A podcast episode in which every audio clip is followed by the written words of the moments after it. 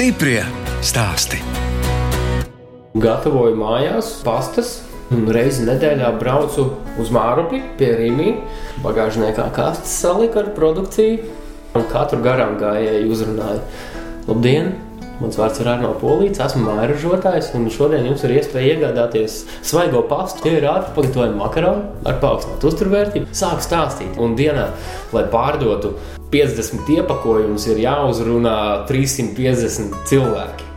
Ātri vien sapratu, ka dzīvot šitā varētu, nopelnīt it kā var, Bet vai es gribu visu mūžu braukt pie rīčika, tirgoties no bagāžnieka? Nu, nečak. Tā par biznesa uzsākšanu stāsta Arno Polītis no Jāgaunas novada Ozolnieku pagasta. Es, žurnāliste Dāna Zalamane, šoreiz ciemojos pie uzņēmēja, kas pirms trīs gadiem mājās sāka gatavot svaigo pastu, jeb makaronus ar dārzeņiem.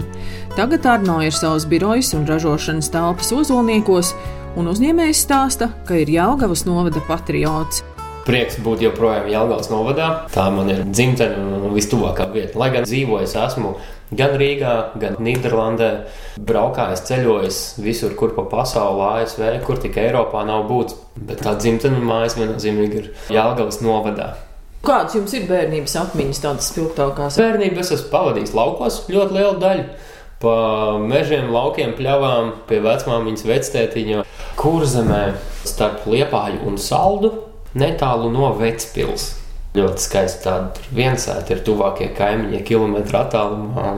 Tur regulāri braucu retrītā. Reiz divos mēnešos aizbraucu uz turieni, atslēgties un uzlādēt savus baterijas. Ar draugiem nešpatnības darījām. Es vispār biju tāds bērns, kuram bija ļoti grūti nofokusēt savu uzmanību ilgāk par divām minūtēm vienā virzienā. Uz vietas vispār nevarēja nosēdēt pabeidzu pamatskolu Jālgavā.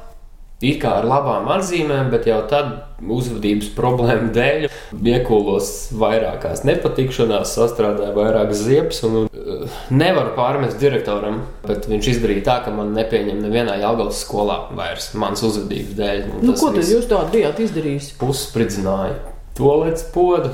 Toaletē durvis izgāza, aizskars, uh, gaiteņos bija norāvis. Nu, stulbības. Tad viņš bija pateicis, pats ka... skaidrojat, kāpēc jums gribējās visādas tādas lietas darīt. Tur ir atbilde drīzāk par to vidi, kādā es augu, varbūt mājās arī dzen. Nav tā vienkāršākā bērnība bijusi. Tēva alkoholisms un, un, un arī dzen fiziskā vardarbība. Nu, atstāja kaut kādas nospiedumus uz bērnu kā rezultātā, nu, jā, nu, visādas stūmības darīt. Jūs bijat vienīgais bērns? Nē, ir arī jaunāks brālis. Man brālis aizbrauca mācīties uz Rīgu, dzīvoja kojās. Tā kā es turpināju tepat tās Jālgavā mācības, tad bija visā tajā vidē krietni ilgāku laiku. Pabeidzu vidusskolu Jūbērzē, bet dzīvošana jebkurā gadījumā nozīmē Jālgavu. Arno stāsta, ka četras reizes sācis studijas augstskolā, bet mācības pametis, aizbraucis uz Eiropu un Nīderlandē strādājis ēdināšanas uzņēmumā. Interesants īstenībā tas darba režīms. Stundu tu cep maizi, stundu taisi desertus, stundu tu pie zīmīm, tad stundu traukus, tad tu zālē ej kā oficiants. Fantastiski piemērots darbs jums, tas ja jums viss ātri apnīk. Jā, tajā brīdī noteikti. Un atbraucis uz Latviju Pirmais darbs Latvijā bija pīcis darbnīca Jelgavā. Ja nemaldos, gads un mēnesis laikā tika par struktūra vienības vadītāju.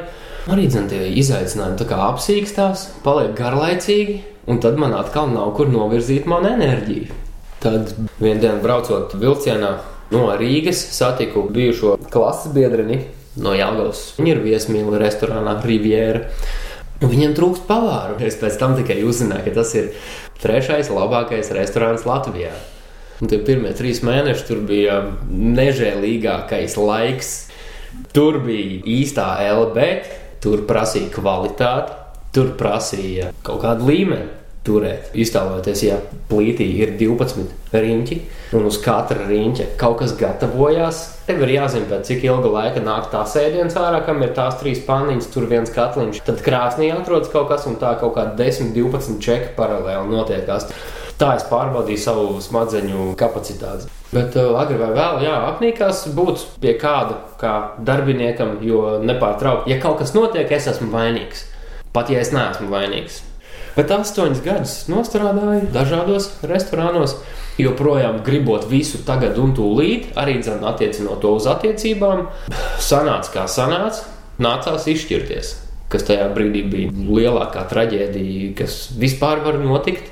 Plus vēl tas otrs cilvēks nolēma vispār aizbraukt no Latvijas projām. Vecāki, kas man saka, kā vajadzētu būt. Tur darbiņā kāds man saka par lietām, kuras es neesmu darījis bija iekrāti 2000 eiro, kas vispār nav nekāds iekrājums, bet, nu, labi, atradu dzīvokli Bozolniekos, un tad sākām ar meitu dzīvot divatā. Meitai cik gadu bija? Meitai bija trīs gadi, traks un, un, un grūts laiks, jo nebija ne sava auto, nebija ne patstāvīga darba, ar riteni, lietu, sniegā. Braucām no ozolniekiem uz Jālugavu, uz dārzu katru dienu. Vai bērns, meita, lika jums pieaugt? Viennozīmīgi. Es uzskatu, ka tas ir labākais, kas var mums iedot vispār jebkādu dzīves jēgu, ir bērns. Lielākie mūsu skolotāji. Kā jums gāja ar to meitu audzināšanu? Nu, Meitiņai mamma nepietrūka. Protams, pietrūka, un tas bija tas trakākais visā tajā periodā. Jo pirmkārt, labi, manas sajūtas neņemsim vērā, bet bērns nesaprot, kāda vēlna pēc viņai nav pēkšņi mamma kur ir aizbraukusi. Un tad ej un izskaidro to trīsgadīgam. Tas, ko es varēju darīt, ir vienkārši ļaut viņai izraudāties, izlikt visu to savu bēdu un sāpju, kas patiesībā ir bijusi mana vislielākā sāpe. Māma joprojām dzīvo kaut kur ārzemēs. Viņa ir Latvijā tagad tiekās ik pa mēnesim, pa diviem uz pāris stundiņām, bet nu, nekas nopietns. Katrs cilvēks var izvēlēties, vai viņš grib būt pieaudzis vai nē. Cik stundas jūs vidēji darbā pavadāt? Nu, 16, 17. Tad, kad es pēc tam 16, 17 stundām redzu meitu, tad ir 200% uzmanības tikai un vienīgi viņai. Jo es pats esmu nocieties pēc viņas, sailgojies pēc viņas, parunājamies par to, padarām šito, vēl kaut ko, vēl kaut ko. Un tad mēs kopā aktīvi pavadām kaut kādu, nezinu, stundu, divas. Jo arī zinu, tā, kad viņi atnāk pie manis te uz darbiņu, oficiāli kaut ko pakašķējamies. Nu, tā ir daļa no attiecībām. Tur konflikta situācijas uh, atrisināt, vai ne? Domstarpības kaut kādas. Tas viss tur ir iekšā. Tam visam ir jābūt. Katru reizi, kad es satieku meitu, man ir nenormālākais prieks. Es esmu ārprātīgi noilgojies pēc viņas. Stiprie stāstī!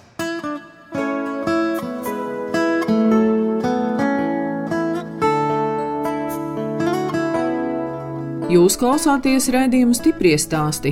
Šoreiz ciemojos pie uzņēmēja Arno Polīša, Jālgavas novada Ozolnieku pagastā. Arno saka, ja nebūtu palicis viens ar meitu, iespējams nebūtu arī viņa uzņēmuma pasta hausa. Arno gatavo četru veidu svaigo makaronu pastu, kuras sastāvā ir līdz 40% dārzeņu, sulas un biezeņi. Tagad mēnesī uzņēmumā tiek saražots ap 300 kg pastas, bet uzņēmēja darbību sācis kā daudzi mājražotāji dzīvokļu virtuvē. Pirmais, ko es iegādājos papildus, bija leduskapis. Man bija nopirkts pinieru plāksnes, bērns koks. Viņš vēl papildus uzsūca mitrumu no apkārtējās vidas. Tas tur arī bija jāņem vērā pastas uh, žūšanas procesā visā. Tur nāca iekšā visa tā pieredze ēdināšanā. Mēs arī dzinā uh, Rivierā gatavojām spinātu mīklu sablendrēja spināts, tur gan viņas kās ārā un tad iegūta tādu košu, tādu foršu zaļu krāsu. Šeit mēs pastahausā nekāšam neko. Mēs pat vēl ekstra pievienojam, piemēram, burkāniem. Mēs vēl pievienojam izspiestos burkānu biezumus klāt, lai ir maksimāli daudz tie dārzeņi, lai ir maksimāli daudz šķiedrvielu. Kā jums radās tā ideja? Kāda tieši būs tā jūsu pasta? Man jau no sākuma bija tāda sajūta, ka ir jātaisa kaut kas bez olas, lai, ja nu kas, tad mēs varam viņu tāpatās arī pagraust. Jo jau tajā brīdī bija tāds, ka nu, kaut ko gatavo, un tad kaut kāds mīkls atgriez un viņus apēd. Likās tāda laba lieta. Un kas ir slikts olā? Termiski neapstrādāt olu jau nevajadzētu obligāti ēst. Tomēr kaut kāda salmonella, ja tur ir, ko ne, nevar zināt, kurā ir tā iemesla dēļ, nu, tā tas produkts arī zin, palikās tāds vegāns tikai ar dārzeņiem tiem pašiem dārzeņiem, tie izspiestas sulas un tad pievieno sulu klāt. Bet uh, tur tā dārzeņa proporcija ir pārāk maza. Jo tur ir daudz šķidruma un tur vajag daudz vairāk miltus. Man gribējās ielikt vairāk dārzeņus, tā kā mēs likām iekšā maksimāli daudz biezumus arī. blenderējot spināts, pētersīļus. Ir čakars, jā, tas viss kāps, kamēr viņi sablenderējas, jā, bet tad ir tāda forša, bieza dārzeņu masa, kas iet iekšā, un tad mēs dabūjam tos 40%. Arno, bet jums nebija tādas bažas, nu kā būs, vai cilvēki vispār pirkstos jūs makaronus? Skaidrs, ka veikalā var nopirkt lētākus, mm. un mhm. kāpēc tur vajag, lai tur būtu tie 40% dārzeņu klāt? Tomēr labās ziņas ir tās, ka ar vien, ar vien vairāk cilvēku sāk palikt ar vien apzinātāki par to, ko viņi lieto savā uzturā, jo uzturs ir tieši saistīts ar to, kā mēs jūtamies savā organismā, savā ķermenī, kādas domas domājam, kādas vārdas runājam, lēmumus pieņemam un kādā vidē mēs arī dzīvojam. Ja tu parūpējies par ēdienu, tad ēdiens parūpējas par tevi pašu. Protams, nu bija bažas tādā ziņā, ka man tagad būs katru mēnesi jāmaksā aizdevumi, par to vai pirks Veicot šādus tādus aprēķinus, cik no es tajā laikā ar savām finanšu pratības spējām varēju, nu es nācu pie tāda secinājuma, ka, ok, kamēr citi ņem kredītus, lai uzbūvētu māju, es paņemšu kredītu, lai uzbūvētu kaut ko, kas man pēc tam nes ienākumus. Tas bija viens.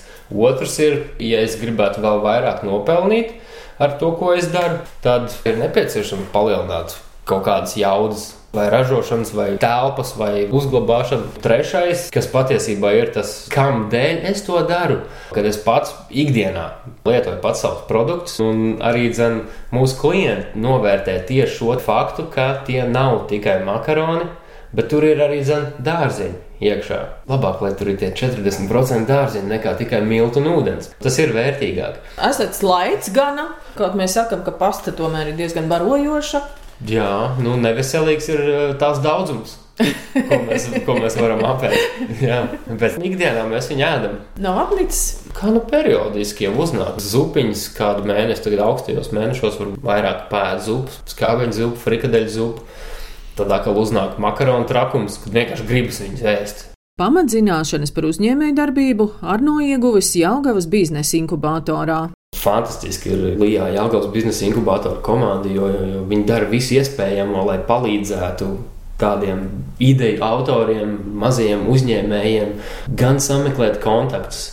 Un arī zin, iepakojumu dizainus esam izstrādājuši ar LIBE atbalstu, telpu noma arī ar LIBE atbalstu, inovāciju voucheru projektu, kura rezultātā mēs uh, izstrādājām divas receptūras vienu ātri pagatavojumu makaroniem ar īpaši paaugstinātu uzturvērtību, kur ir šīs augstsvērtīgo miltu maisījums, un otra bija bezglutēna makaronu recepte. Pie kuras mēs esam nedaudz iepauzējuši, jo mums patreiz nedaudz ir pa īstu līdzekļu, lai mēs otru ražošanas līniju varētu iegādāties. Un projekta ietvaros arī dzen, izpētījām visas dārzņos esošās uzturvielas Un, nu, zinātniski apstiprinājām, un jūtamies ļoti pārliecināti par sevi un savu produktu īpašībām. Un, mēs izmantojam visas iespējas, cik mēs varam. Sadarbojamies ar uh, zinātniekiem no LLU pārtiks tehnoloģijas fakultātes. Milzīgs atsvars un palīdzība bija gan iepakojuma materiālu piemeklēšanā un izvēlē, gan pārtiks gāzu koncentrāciju noteikšanā. Uzņēmuma pasta hausa ražošanas telpas atrodas Uzolniekos, industriālajā rajonā. Šeit bija traktora tehnikas servis. Nebija ne grīdas, visas sienas griezti, viss bija melns kā vēlns un nebija patīkams. Mēs pārtaisījām par tādām smukām, civilizētām telpām. Starku arī var pateikt, ka bija visas šīs koka mēbeles, arī tur oficiālā daļā, kas bija. Tās ir pašu taisītas, Kāpēc es izvēlējos patiesībā pats to iztaisīt? Tāpēc, ka koku drīkst izmantot. Un arī dzēna pastas ražošanā un gatavošanā koks ir tradicionālais materiāls, uz kura lika kaltēties pastas. Viss ir izdarīts pareizi un pašspēkiem. Par to ir patiesībā vislielākais lepnums. Jūs esat nopircis tātad gatavus jau dēļus? Jā, sazāģēji, saskrūvēji. Nu, nav jau nekāda lielā māksla, bet tomēr tas ir darbs, kas ir padarīts un padarīts labi un kalpo godam. Šī bija viena telpa, tikai ar apkursu katlu. Normatīvi akti paredz, ka tas ir jābūt nodalītam. Nebija ne tolets, ne kanalizācijas. Visu ņēmām, ievilkām. Bet, nu, reizē visu paveicām, smuku uztaisījām. Viss ir apstiprināts, akceptēts. Tie ir salocīti iepakojumi, jau gatavi produkciju ņemam, no turienes atvedam. Saliekam kastēs un tad pa vārtiem ārā. Tas mm -hmm. arī dzen, ir tāds labs risinājums. Es uzskatu, ka to mums arī atzinīgi PVD novērtēja, ka ar šo risinājumu mēs esam ieguvuši kaut kādus 4. 5, 6 kvadrātmetrus telpas klāt, ko mēs varam izmantot. Jo vārtiem ir jābūt nosaktiem. Bet tagad mums ir nepieciešams izkrāpt. Tā uz līmlēntas. Jā, Jā. uz līmlēnta. Paceļam vārtus un izējām ārā. Noķersim dūšanu. Šī ir makaronu gatavojumā mašīnīte. Jeb šo ekstrūderis. Jā. Bet tā vairs nav tāda mājas apstākļiem. Šī ir uh, maziem restorāniem, kafejnīcām paredzēta. Jā, un arī dzen, tieši mūsu ražošanas jaudām. Un mīkla ir skaistā ķiršu sarkanā krāsā. Jā, ļoti skaisti. Tas ir no bietēm. Pēc tam viņi tālāk tiek noguldīti uz galda tiek sagriezta attiecīgos taisnības stūrīšos, no kuriem tālāk ar to tauriņu. Tiek taisīti tagad makaroniņi, bet rokā ir uh, lineāls, lai nogrieztu īstā garuma. Jā.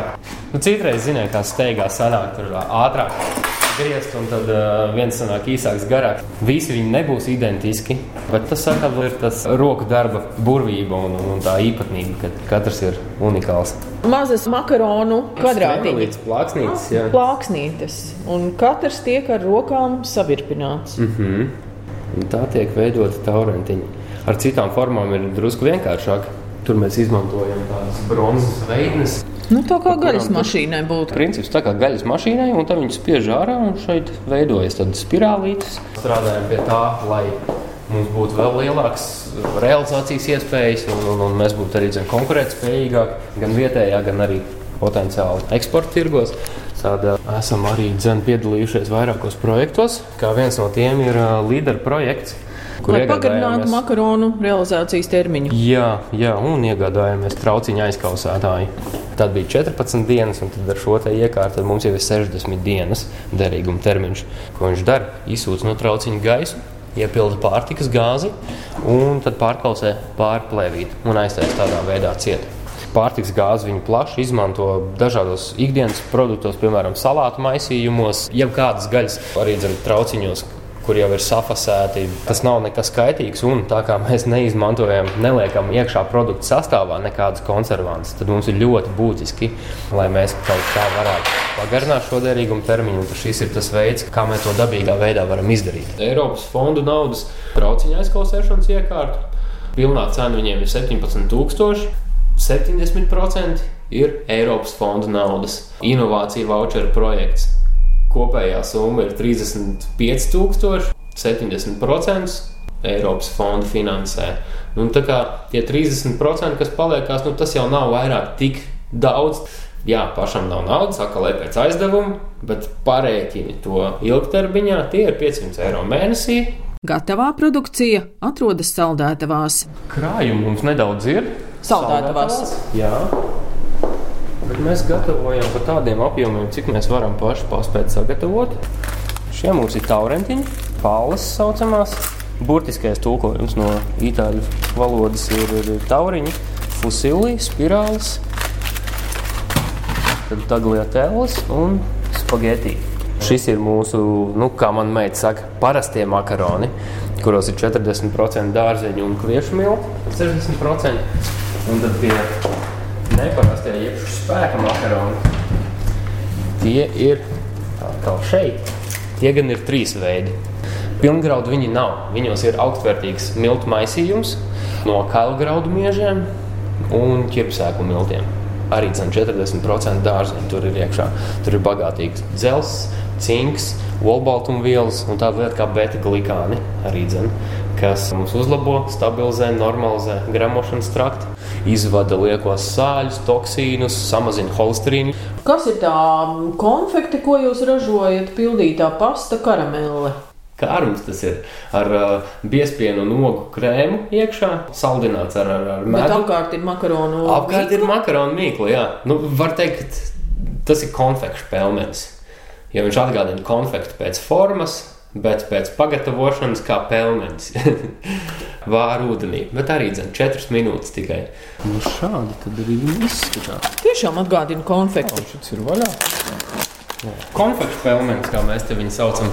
Jāsaka atklāti, ka ar to kara darbību, kas notiekās, protams, ir bijis pieprasījuma kritums, e-komercija vienkārši bija apstājusies uz divām pusnedēļām veikalos arī dzēn. Tā kā mēs neesam pirmās nepieciešamības preces un mūsu cenu kategorija ir eh, krietni virs tās, tad arī dzēn tur norimās pasūtījumi, bet nu jau sāk nedaudz jau eh, atgūties tā situācija atlabt. Uz produktu iesaiņojuma uzdrukāti arī dažādi uzdevumi bērniem. Izglītojoši, attīstoši uzdevumi, vingrinājumi bērnu mazajām. Nu, te, piemēram, ir jāatpazīst dārzenis un jāieraksta trūkstošais burts. Mm -hmm, un jāatrod jā. ceļš līdz lecamauklai. Jā, piemēram, arī atrod apvelts piecas atšķirības.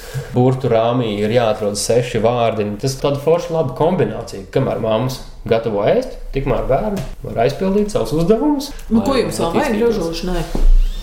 Ko mums nevajag? Drīzāk būtu vieglāk pateikt. Ja mums viens iepakojums maksā 3 eiro, degviela maksā 2 eiro. Cilvēki ielies drīzāk degvielu nekā nopirks veselīgāks makaronus. Mums ir nepieciešams dabūt cenu uz leju. Tās jau ir ražošanas līnijas, jau automatizētas. Tur ir iekšā pasterizētājs, eh, kas aptur mikroorganismu veidošanos, rašanos, augšanu, padara produktu drošu, nekaitīgu, vienmērīgā kvalitātē pasterizētājs, tad ir žāvētājs, tad ir vēl tās slīdošās lentes, vēl ir papildus iekārtas vajadzīgas, lai teiksim, nebūtu tas darbs, kas tagad notiekās ar rokām tauriņu, kur tiek locīta nu, tāda iekārta. Ar minimālā ražību, kurai ir 25 kg/h, nu, viņi sāk maksāt sākot no 25,000. Tam visam ir nepieciešams investīcijas. Bet tas atkal samazina pašizmaksu, palielina ražošanas apjomus, Līdz ar to paplašina realizācijas iespējas. Jūs teicāt, jau četras reizes ir bijuši brīži, kad jūs pats neesat maksājis sev algu. Jā, pirms mēneša bija tas tā ceturtā reize, kad es izvēlējos turpināt ieguldīt uzņēmumā. Pirmā reize bija par savām ražošanas telpām, otrā reize bija par darbinieku ražotnē, Trešā reize bija, kad mēs paplašinām telpas un paņemam vēl inovāciju voucheru, zinātniski izpētām mūsu produktu, izstrādājam zinātniski. Un ceturtā reize, tagad pirms mēneša bija, kad arī zin, pieņēma darbā jauno marketinga speciālistu, klientu apkalpošanas daļas darbinieci. Stiprie stāsti!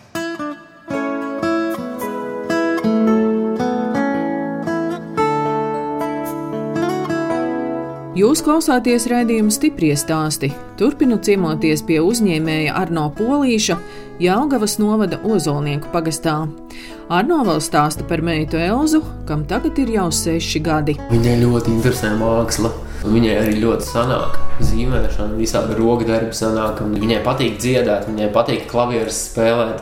Arī dzen, es esmu dziedājis un spēlējis klavierus. Mani spieda to darīt. Es no savas bērnības visas savas pieredzes, kuras man nav patikušas, es attiecībā uz savu bērnu visu daru pretēji. Nespiežu, bet cenšos radīt tādu dabīgu zinātnākāri un dabīgu interesi par lietām. Ja neinteresē, neinteresē. Ar vārtu nevienam neko neiemācīs. Viņai tik daudz kas padodas, tāds radošs, un viņa jau pats saka, ka jā, viņa grib būt māksliniece. Nu, tad sapnis tomēr nav turpināt makaronu biznesu. Nē, nav. Bet viņa tepat laikā saka, ka uh, viņa labprātāk pēc dārziņa, pēc skolas nāktu pie manis arī strādāt. Noteikti viņai palīdzēs tas, ka es vadu uzņēmumu, attīstu uzņēmumu, viņa nāk citas dienas arī dzen, šajā vidē. Un es domāju, tas viņai nāks tikai un vienīgi par labu viņas dzīvē un pieredzēs. Izstāstiet par to draugu vai sievu. Kā tad tagad ir Agneta? Vēl draudzene, drīz sieva, bet to nevienam mēs nesakām. Īpaši ne tuviniekiem. Sākumā mums attiecības bija attālināts, jo viņai bija mācības ASV, kurām viņa jau bija pieteikusies, ka brauks jau pirms mēs satikāmies, iepazināmies. Un tad gadu viņa vēl bija ASV. Nu, mēs padraudzējāmies, jā, trīs mēnešus. Un tad viņi aizbrauca uz ASV. Jā, tas bija laiks, kad varēja jau padomāt tālāk, ko un kā darīt. Kur mums būtu, kā būt. Grasāmies tikai sarakstīties. Tā ir tāda formalitāte, bet nu, šajā gadījumā šo formalitāti mēs izpildīsim, lai Kā draudzene pats saka, tu, tu, tu, ja kaut kas notiek ar mani, lai viņi var parūpēties par bērnu. Un Agnēta, ko tad mācījās Amerikā? Papildināja savus maģistra grādu, jurisprudencē zināšanas ar vēl kaut ko tikpat, ja ne vēl vērtīgāk un noderīgāk. Viņi strādā zvērnāt advokātu birojā Rīgā. Tad jums kādus juridiskus padomus arī var sniegt. Tā varētu likties. Bet Jā, īstenībā bet ne. viņas specialitāte ir uh, kriptovalūtas un, un, un blokķēdes. Tajā jomā strīdu risināšana. Vaļasprieki kādi jums ir? Lasīt grāmatas, tas man ir jaunais vaļasprieks. Bet uh, velo braukšana viennozīmīgi. Pagājušajā gadā vidējais mēneša nobraukums bija 400 km. Tas nav galīgi daudz, bet tas ir tik, cik var atvēlēt tam laika. Šogad tas ir krietni samazinājies. Bet, lai gan tagad, kad, kad degviela ir atkal dārga kļuvusi, es domāju, ka padedzināšu vairāk taukus nekā, nekā zemeslodi. Atgriezīšos pie saviem velo braukšanas hobijiem. Bet vispār, Un uz kurien tad jūs braucat? cik ir laiks, cik ir pašam gribēšana, uz Rīgas pusi līdz Dalbai, tad atpakaļ papoceļu līdz Jelgavai. Pa lielo ceļu. Prātīgi jābrauc. Nu, tagad jau arī dzen, pēdējos gados jau uzlabojas autovadītāju braukšanas kultūra. Arvien vairāk cilvēku sāk pierast, ka ir tādi velobraucēji arī. Un kādas grāmatas jūs lasāt? Par biznesu? Tā ir skaitā, bet sāku viennozīmīgi, lai sevi izzinātu. Savas enerģijas sakārtot, tādu pašizaugsmes grāmatas. Nu, tā liekas, ka sievietes vairāk ir tāda literatūra. Tā varētu likties, jā, bet, eh, bet ziniet, tas laiks, ko es pavadīju ar meitu divatā, man lika tieši sevi atvērt to sievišķo pusi, kas ir ļoti palīdzējis savākties pa dzīvi. Un es teiktu, ka tie vīrieši, kuri joprojām ir tādi nenopietni, labi, es neesmu nekāds psihologs un eksperts nekāds, bet eh, vai nu tur trūkst stingras sievietes rokas, vai arī dzen, tāda lielāka mērķa. Un dzīvojat jūs joprojām šeit, Ozolniekos. Jā, Kas jums patīk šeit dzīvojot? patīkās tā daba, meži apkārt. Mums ir ļoti skaists meža parks ar aktīvās atpūtas laukumu, slēpošanas trasēm. Tur ar velo var forši izbraukties arī dzen. Veselības tā, ka mums ir, mums te ir tik ļoti zaļa tā komuniņa šeit, ka, nu, fantastiska vieta. Arno Polītim nākotnes ieceres arī saistās ar ozolniekiem. Uztaisīt gan sabiedriskās ēdināšanas vietu, skaistu, pieejamu visiem, ar velo novietnēm, elektroskūteru lādēšanas vietas, elektroautorāta lādēšanas vietas, jumts būtu ar saules paneļiem, un uztaisīt šeit arī dzen, lielāko aktīvās atpūtas laukumu Baltijā. Padarīt cilvēku ikdienas labākas. Ne tikai savu ikdienu, bet pirmkārt ar produktu palīdzēt cilvēkiem. Otrs ir dot arī zin, kaut kādu pienesumu tai videi, kurā es pats esmu, kur man pašam ir tik dārga. Arno, ar to biznesu jau ir tā, ka tas bizness pamazām aug. Cik lielu to biznesu audzēt? Virsmērķis ir izaudzēt tādu uzņēmumu, ka mēs varam brīvi nosūtīt divas paletes reizi mēnesī bērniem trūkuma cietējiem visā pasaulē, tostarp arī Latvijā. Tādu uzņēmumu. Tā kā tur nav tādas metrikas, eh, kā mēs gribētu sev tur tādu mašīnu vai tādu māju nopelnīt. Nē, mēs ejam uz lielāku mērķi. Padarīt to pasauli, kurā mēs dzīvojam, gaišāk. Jo, kā jau es teicu, tas, ko un kā mēs darām, tieši ietekmē to, kādā pasaulē mēs dzīvojam. Un es gribu savam bērnam rādīt to labāko piemēru, lai ir kur dzīvot tiem nākotnes cilvēkiem.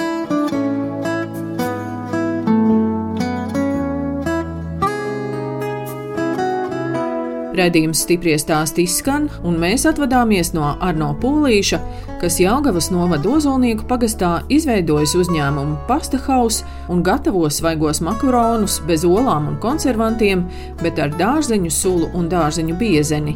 No jums atvadā žurnāliste Dāna Zalamane un operātore Inga Bēdele, lai tiktos atkal tieši pēc nedēļas.